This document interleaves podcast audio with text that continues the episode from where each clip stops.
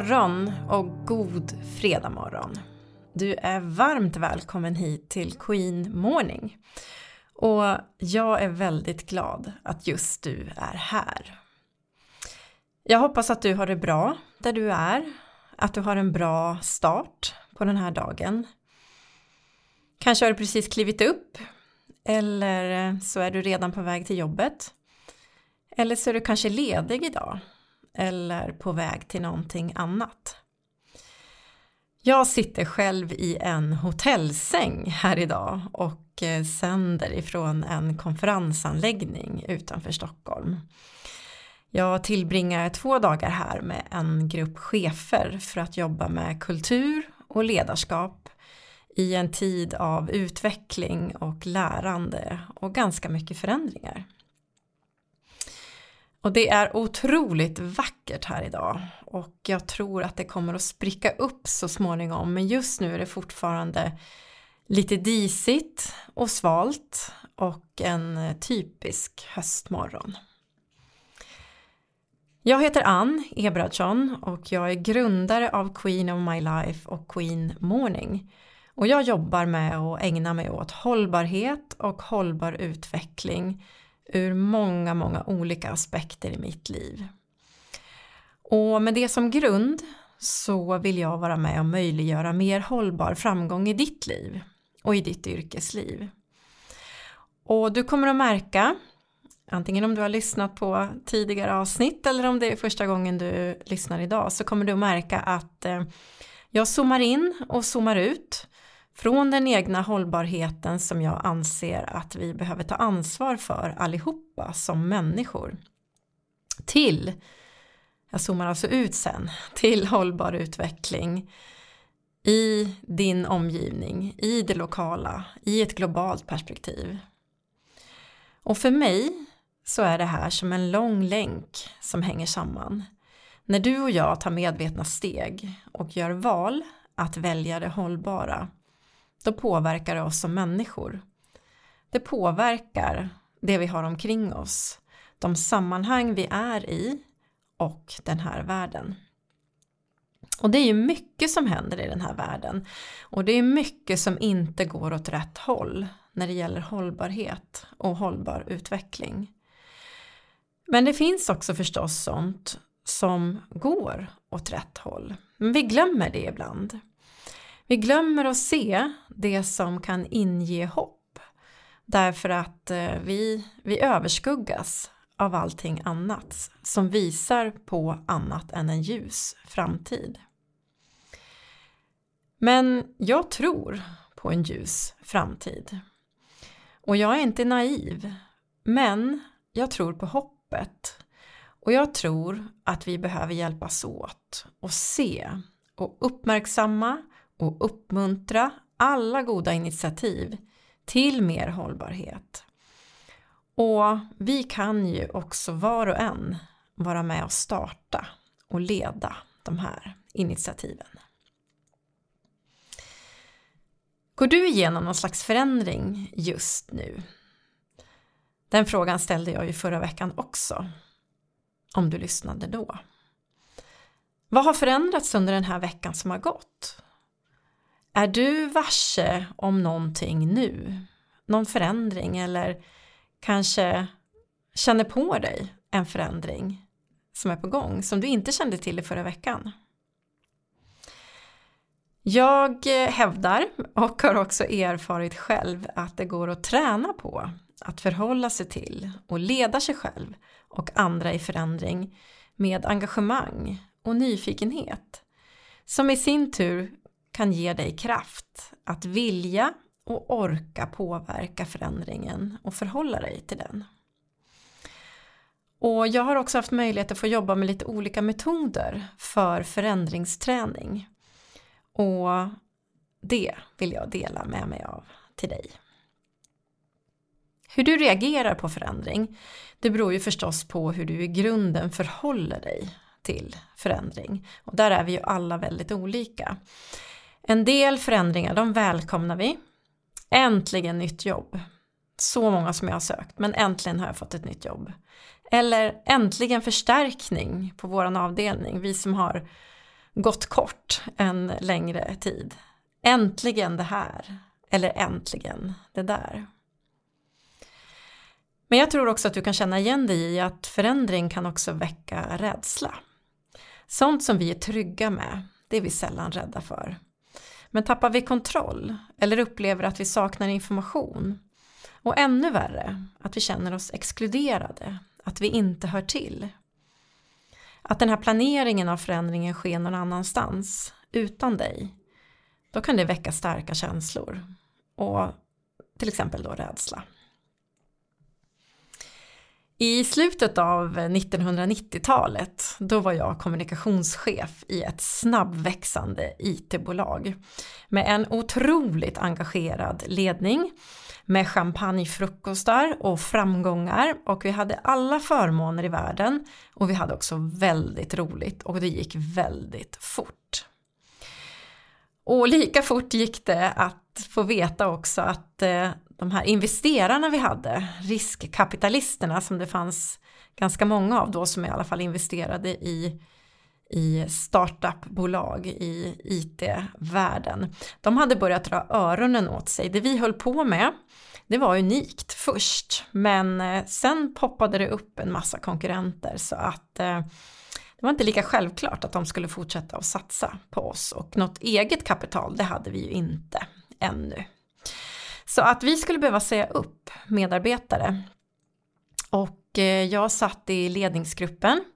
Det gick snabbt. Vi eh, blixtinkallade till möten, vi förberedde budskap och tidplaner och bestämde när informationen skulle gå ut och hur den skulle gå ut.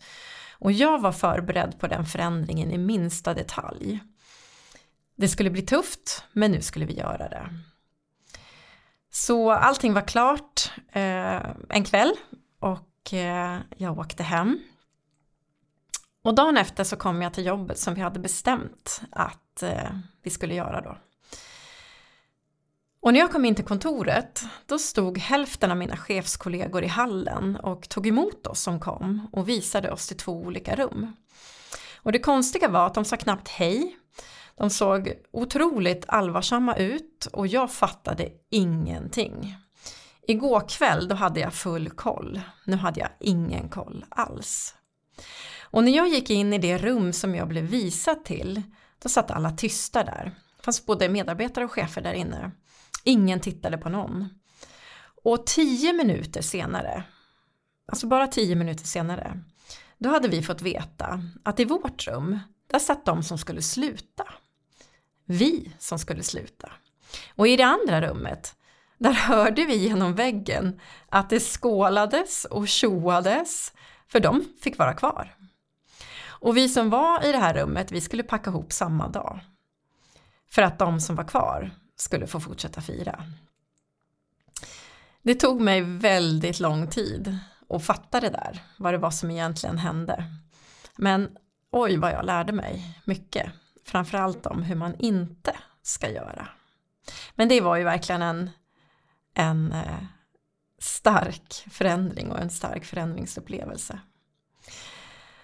Och förra veckan så pratade jag om acceptans av själva förändringen när den sker och hur du kan söka efter och försöka hitta den där acceptansen.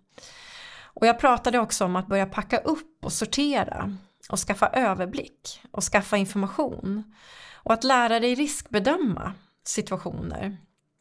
Och sen utifrån det formulera olika handlingsalternativ. Och det kan ju även vara så att du behöver utforska den där rädslan du har inom dig och kanske också skammen du känner och göra det där ordentligt innan du kan nå fasen av acceptans. Vad är du mest rädd för? Vad är det värsta som kan hända? Och varför är just det det värsta? Och utifrån att du vågar tänka på det värsta, vilka handlingsalternativ finns det för att komma framåt på något sätt överhuvudtaget?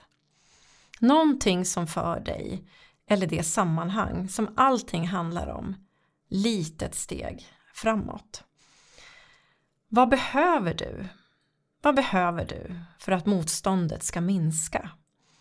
Och vilket stöd Och vilken hjälp skulle du önska i den här delen av förändringen som du är i just nu? Försök att ställa dig lite utanför dig själv och leta efter drivkrafterna till att du upplever det du gör och känner det du gör. Observera det som händer. Sök konkreta handlingsalternativ. Jag har varit med om många gånger när jag har eh, lett förändringar och också då varit med hela vägen i förändringsprocesser, inte som det blev då när jag var på IT-företaget där. Men jag har varit med om väldigt många gånger att det finns en enda fråga som kan få hjärnan att lossna i sina invanda tankebanor och rondeller och mönster. Och den frågan är om jag var den som bestämde allt just nu, vad skulle jag göra då? Man kan tycka att det är en ganska enkel fråga, men den är kraftfull. Och vad du än kommer fram till att du skulle ha velat göra om du kunde bestämma allting just nu. Packa upp det också. Titta på det, sätt ord på det, sätt det i perspektiv. Om det här händer då, då händer det här med mig. Om jag fick bestämma det här, då skulle det här kunna hända. Så jag tänkte att vi ska träna lite nu så här på fredagmorgonen. Vi ska leta mönster och förstå mönster. Fundera över en förändring som du har gått igenom av lite större art med dina mått mätt. Och gå sen igenom den från början till slut. Rita upp den som en tidslinje eller en kedja av händelser. Hur började allt? Vad var liksom starten på allting? Hur reagerade du då? Vad hände sen? Hur var det med information och kommunikation? Vem ledde förändringen? Vem ledde egentligen förändringen? Vilken roll tog du i förändringen? Hur blev det? Hur är det nu? Och så när du har hela det där flödet då kan du gå igenom det några gånger och se om du har glömt något perspektiv. Och fundera över vad fick dig att bli mer trygg? För någonstans så landade du i mer trygghet. Och vad var det som fick dig att bli mer rädd? Om det var det som hände först. Eller vad var det som fick dig att bara bestämma dig? Och så försöker du hitta mönster i det här. Stämmer det med din bild av hur du reagerar på det som är ovisst? Och blir du förvånad över något du ser? Så här kan man hålla på. Jag har berättat för några av er, i alla fall om ni följer mig på LinkedIn, att jag har varit otroligt rädd för åska. Och rädslan i sig, eh, som, som har haft sina orsaker, den har jag jobbat med i ett eget spår kan man säga och kunnat lägga bakom mig. Men jag har också förändringstränat. Jag har gjort det här parallellt, både tränat på själva rädslan eh, och också på själva förändringen. Så, vad händer om det blir ett snabbt väderskifte när jag är ute någonstans och inte kan ta mig hem så snabbt eller söka skydd så snabbt? Och jag har gått igenom så enormt många väderomslag inom mig. Och händelser. Och när jag har gjort det så har jag framförallt suttit inne och faktiskt suttit i tryggheten. Men varit rädd för väderomslag för att de kanske skulle komma. Och inte gjort det jag egentligen vill göra. För jag har varit så rädd för att jag inte fixar när den där förändringen sker. Och jag har tränat i lugnare tider. Jag har inte tränat i det värsta ovädret. Men jag har tränat på att gå igenom de här scenarierna inom mig. Vad är det som kan hända och vad gör jag då? Vad händer när jag ser att det här väderomslaget skulle vara på gång? När jag tappar kontrollen? Vad behöver jag då? Och så tar vi det en vända till. Hur kan jag acceptera, sortera, hitta min kraft att mobilisera och ta mig igenom och framåt? Och jag fick ju faktiskt en chans att göra det här i somras när det blev ett väldigt plötsligt väderomslag och jag var ute på en landsväg och sprang. Och det funkade. Du kan träna på vägen hem från jobbet på olika scenarier som du skulle uppleva som stora förändringar i livet. Det kan vara, det kan vara åska men det kan vara annat också. Och förutom att du jobbar med dig själv genom de här stegen, acceptans och sortering, handlingsalternativ och behov, så möter du också känslor och tankar som dyker upp. Och då rustar du också dig själv som förändringsledare. Förändringsledning, change management, det är ju en väldigt eftertraktad kompetens idag. Att eh, både kunna ställa om snabbt själv, att vara agil och att också kunna leda in andra och leda genom förändringar. Att ha förståelse och kunskap för hur man möter och tar sig igenom förändringar det kan vara mycket värdefullt för dig som förändringsledare. Det kan faktiskt till och med ge flera fördelar och vinster. Och framförallt så är jag övertygad om att både dina egna resultat av en förändring och de förväntade resultaten kanske i en organisation på en förflyttning och en förändring som behöver göras de kommer att gå så mycket bättre för att du på egen hand har jobbat med din träning på förändring. För om vi går tillbaka igen till dig och den här inre skalan som du har inom dig vad som är okej. Okay. Hur länge en förändring känns okej. Okay. Och hur små, små skiftningar som till exempel brist på information eller en känsla av exkludering kan förändra den där sikten totalt. Om du har tränat på att möta hur det känns, tränat på den acceptansen och sorterat och hittat handlingsalternativ och tränat på att använda kraften och energin du har att göra något åt det läget då kan du också leda andra i förändring på ett mycket mer hållbart sätt. Och hur kommer hållbarheten då in i allt det här? Ja, men jag tänker att oro och rädsla och skam och ovisshet det tar väldigt mycket energi av oss och får det hålla på tillräckligt länge då slutar vi sova bra på nätterna eller så är vi trötta hela tiden, känner oss orkeslösa. Vi kan få fysiska besvär, vi kan bli lättretliga eller kanske till och med apatiska. Och det är ju varken hållbart för oss själva eller för organisationen. Och förändringen i sig, den tar ju mycket längre tid. Den där gemensamma andan och det där engagemanget som varenda förändringsledare längtar efter att få uppleva när man jobbar med en grupp, den kommer aldrig riktigt. För alla är i ofas. Och jag tänker att eh, ibland när vi förändringsleder så tänker vi att olika människor är i de här olika faserna och så småningom så kommer de att förflytta sig till en annan fas. Så att det är bara att vänta. Och det är klart att man kan göra det. Men jag tror att med en förståelse för och en insikt om hur du själv upplever förändring, något som du kan relatera till och att du har tränat på förändring, då kan du leda förändring på ett helt annat sätt. Då vet du hur otroligt viktigt det är att bli mött där du står och att få den information du behöver och också få någon som lyssnar på dina behov. Och det behöver inte alls ta längre tid utan snarare tvärtom.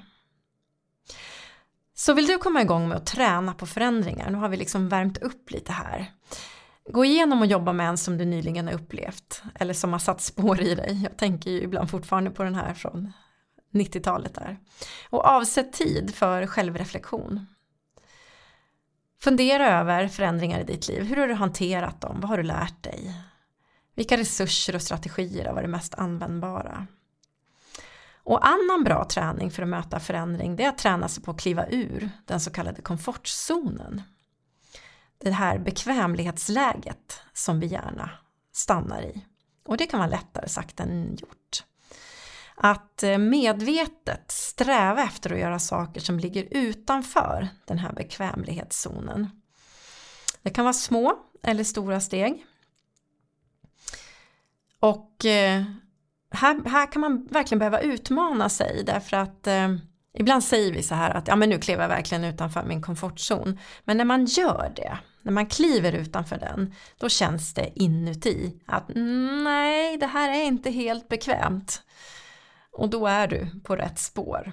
Då utmanar du din komfortzon. Det är bra förändringsträning. Det är också bra att försöka träna på flexibilitet. Ehm, jag har hört väldigt få människor som säger att de är oflexibla. Vad är flexibilitet för dig? Hur tycker du att du är flexibel? Och när du har kommit på det, stretcha det lite till. Att vara flexibel, det är att kunna ställa om totalt från ett läge till ett annat.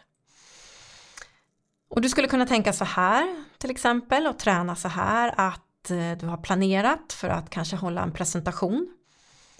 Eh, du har fått avsatt tid att hålla den här presentationen i 20 minuter.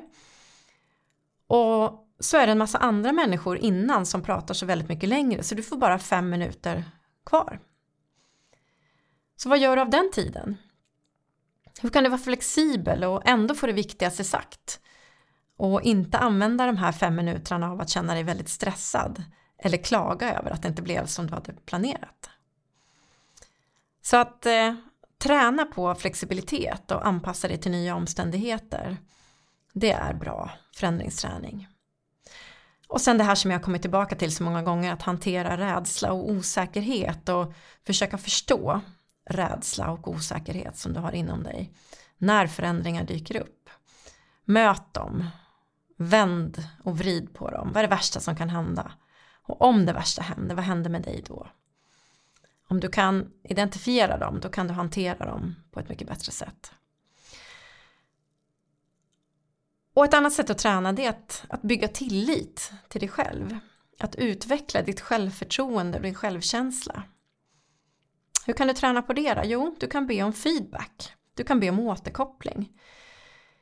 Vi går omkring med så otroligt mycket föreställningar om vad vi tror att andra tycker om oss eller andra förväntar sig utav oss. Så fråga istället. Skaffa dig fakta.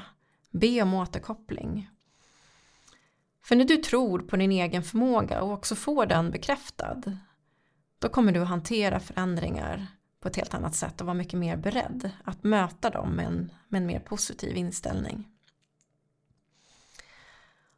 Och den sista delen att träna på det är tidshantering. Att eh, hantera din tid på ett effektivt och bra sätt. Och vara rädd om din tid.